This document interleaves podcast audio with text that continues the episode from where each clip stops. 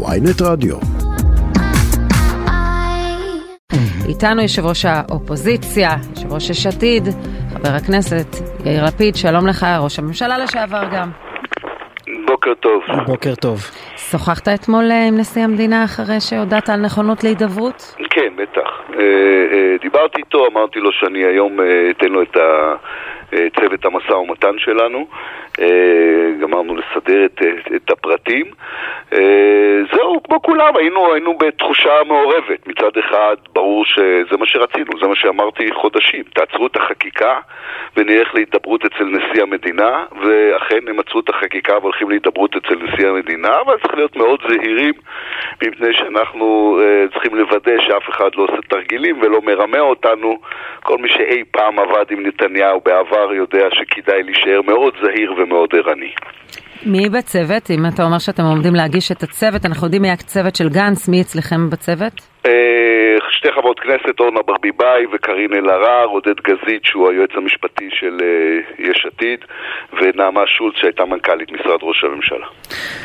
ואנחנו ראינו אתמול שבני גנץ הרים טלפון לראש הממשלה וברך אותו על ההחלטה, אה, אתה אני מניח נמנעת מאמצעים כאלה. כן, אני ראיתי את הנאום שלו מלא הסתה ורעל ואמרתי לעצמי אתה כבר עוצר את החקיקה, אתה כבר הולך לנשיא, בשביל מה יש לך עכשיו להשמיץ וללכת נגד חצי עם? אז אני לא הרמתי לו טלפון מודה כי לא התחשק לי, חשבתי שזו לא הדרך להיכנס אה, אה, למשא ומתן, אם תום לב אז שייראה כמו תום לב, אבל בסדר, אני, זה לא תוכנית כבקשתך, אתה עושה מה שנכון למדינת ישראל, ומה שנכון למדינת ישראל זה לא לתת לנו להיקרע לגזרים. מה בעיניך ייחשב כתרגיל, כאחיזת עיניים, כפי שאמרת? אם, אם הייתי יודע זה לא היה תרגיל, בגלל זה צריך להיות כל כך ערניים. אבל בסופו של דבר הדבר שהוא ברור מאליו הוא שהם לא יכולים בנושאים המרכזיים, שזה קודם כל הוועדה למינוי שופטים ואיך נראה חוק יסוד החקיקה, חוק יסוד השפיטה. אנחנו צריכים להתייחס למהלך הזה לא בתור uh, כיבוי שרפות, אלא בתור ההתחלה של מסע ארוך שצריך להיגמר בחוקה לישראל. מפני שאנחנו רואים עכשיו שהעובדה שלא לא ניסחנו 75 שנה אתוס משותף של חיים משותפים מתנקמת בנו. כשאני רואה את ההפגנות אתמול בירושלים, כשאני רואה את השיח, הפגנות הימין היו סופר אלימות, אתה מבין כמה חשוב שמדינת ישראל תהיה לה חוקה, תהיה לה הגדרת מסגרת של חיים משותפים. רגע, הפגנות הימין היו יותר אה, אלימות בעיניך כן. ממה שראינו בשלושה חודשים האחרונים? בעיניי כן. אני בכלל, אני, אני לא אוהב את ההשוואות האלה, אבל כן. חוץ מהדבר היחיד ש, שהיה, אה, אבל זה צחיק רק אותי כנראה, ש, שליהי אתמול באה לירושלים ובדרך ראתה מישהו לבוש כמו ויקינג, אז היא הצטלמה איתו בשמחה. ורק אז, אחרי שזה הגיע, התברר לה שהיא הצטלמה עם תומך מופתע של הפמיליה. כן. אבל בסוף הנקודה היא, והסקרים אתמול ביטאו את זה היטב, הקו אה, שאתה מוביל, הוא, הוא לא, הציבור לא רוצה לראות עד כדי כך אה, ניציות. הקו שבני גנץ הוביל, כולל ההבדל ביניכם בשיחת הטלפון אתמול בערב, משתלם בסקרים. אני כן, רק אני לא מנוהל על ידי סקרים, אלא על ידי מה שאני חושב שנכון לטובת מדינת ישראל. אתה יודע, יש דבר מעניין על מנהיגות. מנהיגות הרבה פעמים היא לא מול היריב, אלא דווקא מול אנשיך. האם אתה, יש לך עמוד שדרה, והאם אתה מוכן לספוג גם מהאנשים שלך כשאתה חושב ומאמין שאתה עושה את הדבר הנכון למדינה ולרעיונות שאתה מאמין בהם. אני חושב שהדרך הנכונה היא, ואני הייתי הראשון שאמר את זה. אני ב-23 לינואר, סתם אתמול הסתכלנו במקרה על התאריכים, 23 בינואר זה מזמן, אמרתי פעם ראשונה, חבר'ה, בלי עצירת חקיקה. לא יהיה הידברות, וההידברות צריכה להיות בבית הנשיא, וזה היה הקו, הוא היה עקבי והוא היה אה, מדויק, ובסופו של דבר זה מה שקרה. אני לא חוגג פה ניצחון, כולנו ברגשות מעורבים הרי. אתם אומרים, אנחנו הולכים לזה כי זה הדבר הנכון, אבל צריכים ללכת לזה בזהירות. הייתה לך התלבטות אתמול? והולכים, האמת נשארת. הייתה לך התלבטות אתמול? לא.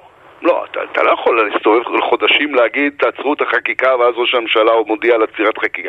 היום היה, הייתה אמורה להתקיים הצבעה שהייתה מעבירה את החוק לש, שהיה משנה את הוועדה לבחירת שופטים ובעצם היה משנה את הדמוקרטיה הישראלית. הם היו אמורים, הבטיחו לבוחרי לדבריהם שהם יצביעו על זה היום וזה לא קרה. וזה טוב שזה לא קרה וזה הצלה של הדמוקרטיה הישראלית שזה לא קרה וזה תוצאה של מאות אלפי פטריוטים ישראלים שיצאו לרחובות ואמרו אנחנו הבנו שלא רק הדמוקרטיה שומרת עלינו, גם אנחנו צריכים לשמור על הדמוקרטיה. עד כמה אתה וגנץ מתואמים? כי כפי שאמר אה, ישי, יש כמה גוונים לעניין, מי שמושיט יותר יד, מי שקצת יותר מבוצר, יש גם את מרב מיכאלי איתכם בגוש האופוזיציה שלחלוטין אה, מתנגדת, כי היא חושבת שלמעשה מה שקרה כשהם הכינו את, החוק לקריאה שנייה ושלישית, הם למעשה מחזיקים איזושהי, איזשהו אקדח, אה, כלומר שהוא על השולחן. ברגע הנתון הם יכולים לה, לה, להריץ את זה למליאה. אז השאלה אם, אם אתם מתואמים, אם יהיה קו אחד. קודם כל באופוזיציה יש גם את אביגדור ליברמן וגם את מנסור עבאס ולעיתים לא תמיד גם את הרשימה המשותפת. האופוזיציה היא מורכבת, אבל אה, אה, אז זה דבר אחד.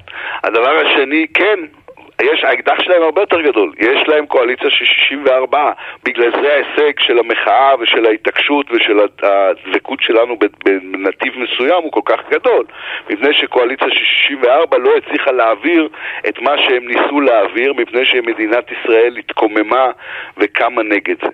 אה, התקוממה לא במובן של מרי, אלא במובן של התקוממות פנימית. אבל עד כמה אתם מתואמים? האם תלכו בתשובה אחת או שכל אחד... אתמול דיברתי עם גנץ כל היום בטלפון ובלילה עוד הספקנו לשבת כן, ראינו תיעוד שלכם מהכנסת. כן, מצאנו איזה ספה וישבנו ותיאמנו מהלכים. לא, אנחנו מתואמים, יש הבדלים ויש גוונים וכל מפלגה יש לה את הקו שלה, זה בסדר גמור, כך צריך. אבל במה שחשוב אנחנו מתואמים וגם אצל הנשיא נעבוד יחד. אוקיי, עכשיו אני, אני רוצה להיכנס קצת לתוכן אצל הנשיא, אני מניח שלא ממש תרצה לפרט אה, בדיוק למה אתה מוכן ומה אתה לא מוכן, כי סירבת לכל החודשים האחרונים, אבל אה, אה, יש קבוצה מאוד גדולה שאומרת אנחנו רוצים בנקודת המחלוקת המרכזית, כן, שהיא הוועדה למינוי שופטים, לאפשר הכנסה של יותר שופטים שמרנים לבית המשפט ולאזן את מגוון הדעות שם. לאן אתה מוכן להגיע עם הקבוצה הזאת? זה לא ככה עובד. קודם כל, מה שאני רוצה זה שבבית המשפט העליון יהיו שופטים מקצועיים וטובים. שמכירים את החוק ומבינים את החוק ומבינים את עבודתם. Mm-hmm. והניסיון גם מלמד שבסופו של דבר שופטים טובים באמת מתייחסים לכל uh, שאלה שמובאת בפניהם על פי השאלה. Uh, ראינו בחודשים האחרונים שופטים שמרניים מובהקים, כמו שטיין או סולברג, שפסקו על פי מה שקורה מולם ולא על פי השאלה מהו השיוך הפוליטי המעורפל שמשייכים להם. הבעיה עם ההצעה של הממשלה זה שהם לא רצו שופטים טובים, הם רצו שופטים שפוטים, הם רצו שופטים שהם מקורבי השלטון ועושים מה שהממשלה אומרת להם. זה לא דמוקרטיה ולזה לא נסכים. לא, אבל אתה אומר חוקה ויודע מה אני מסכים, בוא, אם יש רגע חוקתי, כמו שקוראים לזה בתולדות העמים, בוא אולי נכונן חוקה. הבעיה היא שחוקות הן מנוסחות אה, מעצם טבען באופן מאוד עמום, כתוב שם שאנחנו בעד מה שטוב ונגד מה שרע. עכשיו השאלה היא איזה פרשנות נותנים לזה, והפרשנות הזאת תלויה, מה לעשות, בעולמו הערכי של המפרש. כן, אני, אני, אני מכיר את הטיעון, אבל יש מעבר לעולמו הערכי של המפרש, יש מה שיש בחוק עצמו. תראה, גם חוקה זה לא, אני לא מקבל את מה שאמרת, שחוקה מראש מנוסחת באופן מעורפל. זה אחד מעקרונות אה, אה, אה, כינון חוקה, בכל מדינות העולם. בהחלט, ובכל מדינות העולם יש תמיד, אה, לא ניכנס עכשיו להבדל בין חוקה לבין חוק, אה, חוקים פוזיטיביים. בסוף אנחנו אמרנו, צריך חוקה שמבוססת על מגילת העצמאות, מגילת העצמאות צריכה להיות פרק א' שלה. מעבר לזה הכל מאוד מעשי, חוק יסוד שפיטה, חוק יסוד חקיקה, חוק אה, אה, זכויות, כל הדברים האלה הם דברים מעשיים. עקרון השוויון הגיע הזמן לעגן אותו חוקית. נכון, כן. נכלל בתוך זה, בתוך, כן. בתוך זכויות, בתוך חוק, mm-hmm. חוק זכויות, יש, גם ראש הממשלה דיבר על זה. נכון. יש, יש את חופש הביטוי, יש משהו שמגן עליכם העיתונאים, יש את כל, כל הדברים הבסיסיים של חופש של אזרח במדינה. אלה הדברים ש, שאנחנו צריכים ורוצים מחוקים, ובית המשפט הוא הפרשן של החוק. הוא לא ממציא את החוק, הוא לא משית את הרחב על החוק, הוא הפרשן של החוק. יש לנו בית משפט עליון מצוין, ואני לא נגד הוספת גיוון, זה טוב שיהיה לו גיוון, ואנחנו, זה, זה, זה חלק מהשיח. אבל לא יהיה בית משפט שבו השלטון והממשלה ממנה את השופטים שבא לה למנות או את המקורבים שלה. לפי החוק גם, שהם גם רצו לא להעביר... גם לא הפתרון שהם ניסו להציע, כן, כן. לפי החוק שהם רצו להעביר, הם יכלו מחר למנות את יעקב ברדוגו לנשיא בית המשפט העליון, ואם אתם חושבים שזה אבסורד, כנראה לא גרתם בארץ בחודשים האחרונים. השאלה היא, אבל אה, אה, לאן כן תהיה מוכן ללכת איתם? זאת אומרת, הם אומרים, בשיטה הנוכחית, ואם משמרים אותה, אז אה, בית המשפט לא מגוון באופן קיצוני, וצריך לתקן את זה. תראה, קודם כל זה לא כל כך נכון. אבל זה מה שהם חושבים. אוקיי, אז בסדר, אז כדאי שהדיון לא יהיה על כל הזמן על מה אנשים חושבים ומרגישים, אלא על מהן העובדות. אחת התופעות המסוכנות שאנחנו מתמודדים איתן בימים אלה זה מותה של האמת. כל אחד מסתובב עם סט עובדות שנוח למה שהוא mm-hmm. חשב מלכתחילה, ואם אנחנו רוצים דיאלוג לאומי, אנחנו צריכים לבסס אותו על עובדות ועל האמת. העובדות והאמת היא שהיה מינוי של הרבה מאוד שופטים שמרניים בשנים האחרונות.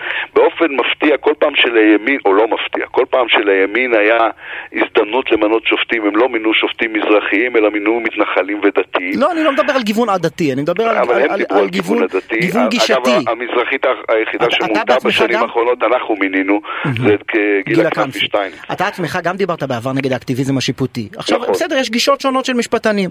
השאלה היא שוב, האם בבית המשפט שלנו, וכרגע עם כל מה שתגיד ברמה העובדתית, יש רוב אה, אה, בולט לזרם האקטיביסטי במשפט, ולפי השיטה הנוכחית, הרוב הזה ימש- ימשיך לנצח. ישי, זה א' לא נכון. לא לנצח. כי אקטיביזם, אהרון ברק אה, לדעתי פרש מתפקידו לפני 18 שנה, הם ממשיכים להחזיק אותו בתור הדמון הגדול.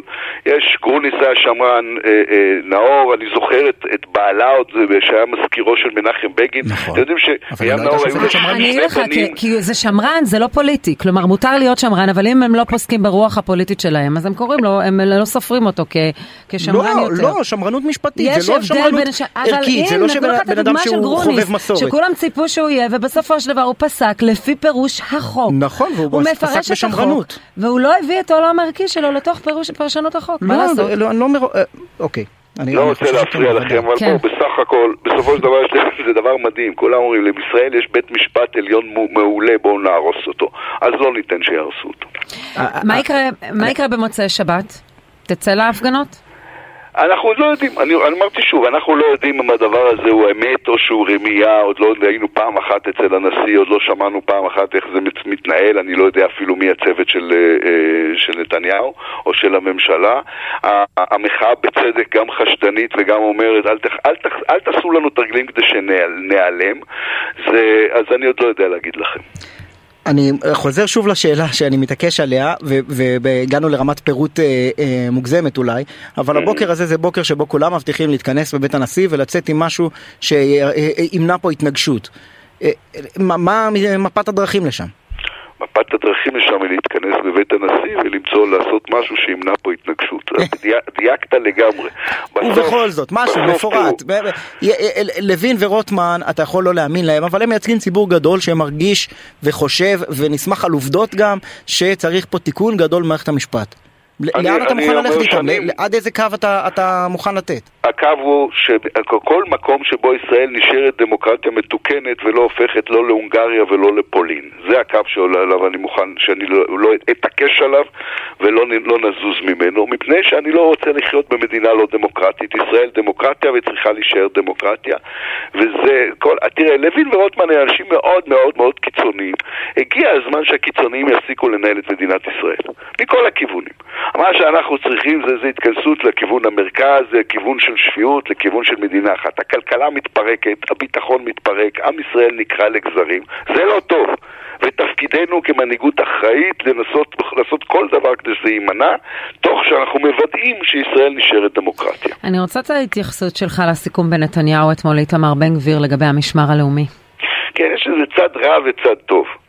הצד הרע, שזה, הם אומרים ניתן מיליציה פרטית לליצן טיק טוק מסוכן עם שהורשע בתמיכה בטרור שיש לו 53 כתבי אישום ושמונה הרשעות ולא שירת דקה בצבא.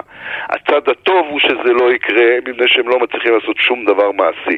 המשמר האזרחי הזה מוקם, או הלאומי הזה מוקם בפעם הרביעית. בפעם הראשונה הוא הוקם אצלנו בממשלה על ידי בנט, ישבנו, הצבענו עליו, אחרי זה פעם שנייה, עכשיו שלישית, רביעית, אולי חמישית אפילו. הם מדי פעם מקימים את זה, זה נתניהו קלאסי, יש לו בעיה, אז הוא מבטיח הבטחה עתידית שלא תקרה. אז אני אומר שוב, זה, זה רעיון מסוכן, זה מחשבה מסוכנת, אבל אה, אנחנו, אני חושב שאפשר לסמוך על זה, שגם את זה בן גביר לא יצליח לבצע. אני רוצה התייחסות שלך, אני אשמח אם אנחנו כבר אוספים התייחסויות אה, למה שקרה פה בחודשים האחרונים, בעיקר אה, בתוך צה"ל והמכתבים האלה. אתה כל הזמן אומר, אני, אה, אני לא מעודד סרבנות, אבל אני מבין את המוחים. ואני חייב להשתתף בעמדה הזאת, גם אני מאוד מבין אותם. ומי שחש שהמדינה פה הופכת להונגריה או פולין ואף גרוע מכך, אני מבין למה הוא לא רוצה להתייצב למילואים. אבל אני רוצה לשאול לגבי המפקדים.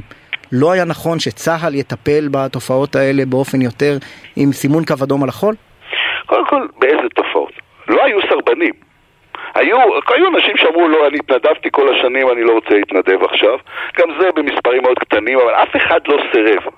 מה שהיה, זו הייתה אמירה של קצינים, של חיילים, של אה, מסיירת גולני עד הטייסים, שאומרים, תקשיבו, אנחנו רוצים להזכיר לכם, אנחנו חתמנו על חוזה עם מדינה דמוקרטית לשרת בצבאה של דמוקרטיה מתוקנת, ואנחנו לא נשרת בצבאה של מדינה לא דמוקרטית, שזו אמירה לגיטימית לגמרי.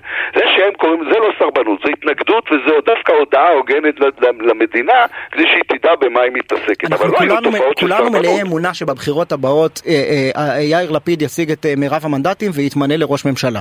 ואז הוא יחליט למשל אה, אה, לסגת מ... לפנות כמה מאחזים. ואם כמות גדולה של חיילים בצה"ל תודיע שהיא לא מאפשרת לצה"ל לשמור על כשירותו הביטחוני. בצה"ל או מתנדבים למילואים? מתנדבים למילואים, מה שהם לא משנה. כי אתה לפעמים מבלבל את המושגים. אם כמות גדולה כן. של מתנדבים למילואים בחיל האוויר יודיעו שהם לא מתייצבים בגלל ההחלטה הזאת של ראש הממשלה, הוא ייאלץ לסגת כי יבוא שר הביטחון שלו ויגיד לו, תשמע אדוני, אין לנו צבא. כן. איך, אתה לא חושב שזה תקדים מסוכן? אני חושב שזו השוואה מופרכת. כי? אני חושב, ש... כי אני חושב שאין דרך להשוות. תראו, המוח האנושי בנוי ככה שהוא כל הזמן עושה אנלוגיות והשוואות, כי אז קל לנו להבין את העולם סביבנו. זה בסדר גמור. חוץ מזה שאין שום דבר להשוות אותו לזה שהממשלה קמה יום אחד ואומרת בוא נהפוך את מדינת ישראל למדינה לא דמוקרטית.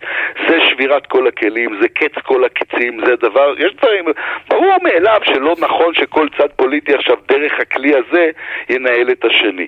אבל יש דברים שאתה אומר, אוקיי, זה שבירת כל הכלים. אבל לכל אחד יש שבירת כל הכלים אחרת. אני רוצה להזכיר, אני להבדיל לא. מבצלאל סמוטריץ' לא קראתי מעולם לאנשים לא להתגייס לצה"ל רק כי לא מוצאת חן בעיניי החלטה של ממשלה. לא, נהדר, אני, לא משנה, גיוס חרדים. הממשלה סוף סוף תחליט שאין ברירה אלא לחייב את החרדים להתגייס. ויבוא חלק גדול מצה"ל, ופשוט לא, לא יאפשר לפעולה הזאת כן. להתממש. זה לא תקדים מסוכן? ברמה המדינתית. זה, זה לא תקדים מסוכן, מפני שאין שום דבר שאתה יכול להשוות לזה, לזה שהממשלה מנסה להפוך את ישראל למדינה לא דמוקרטית. ב-40 השנה, ב-40 השנה האחרונות, יותר מ-30 שנה מתוכם, הימין היה בשלטון. עשה הרבה דברים שאיש מאיתנו לא הסכים לו, להם, או, או, או, או חשבנו שהם לא נכונים, חלק מהזמן חשבנו שהם עובדים נכון, אני ישבתי בממשלה של נתניהו בעבר. ובכל זאת לא היו, לא היו אנשים שאפילו רמזו שהם לא יבואו לשירות מילואים או לא ישרתו בצבא. כל השוואה שלא תנסה לעשות היא מופרכת. כי אין שום דבר שאפשר להשוות לזה שהממשלה אומרת, אנחנו ניקח את מדינת ישראל, נהפוך אותה למדינה לא דמוקרטית, נהרוס את הכלכלה, נהרוס את הביטחון, נהרוס את כל יחסי החוץ של מדינת ישראל, ובסוף גם נכניס לכלא את כל מי שלא מוצא חן בעינינו. זה לא דומה לכלום, שום השוואה לא תהיה נכונה לזה, כולל השוואות על צעדים דרמטיים בתחום המדיני, או בתחומים כמו הסכמים עם הפלסטינים. יאיר לפיד, יושב ראש האופוזיציה, ראש הממשלה לשעבר, יושב ראש יש עתיד, תודה רבה לך על השיחה. בוקר טוב, תודה, תודה רבה. רבה.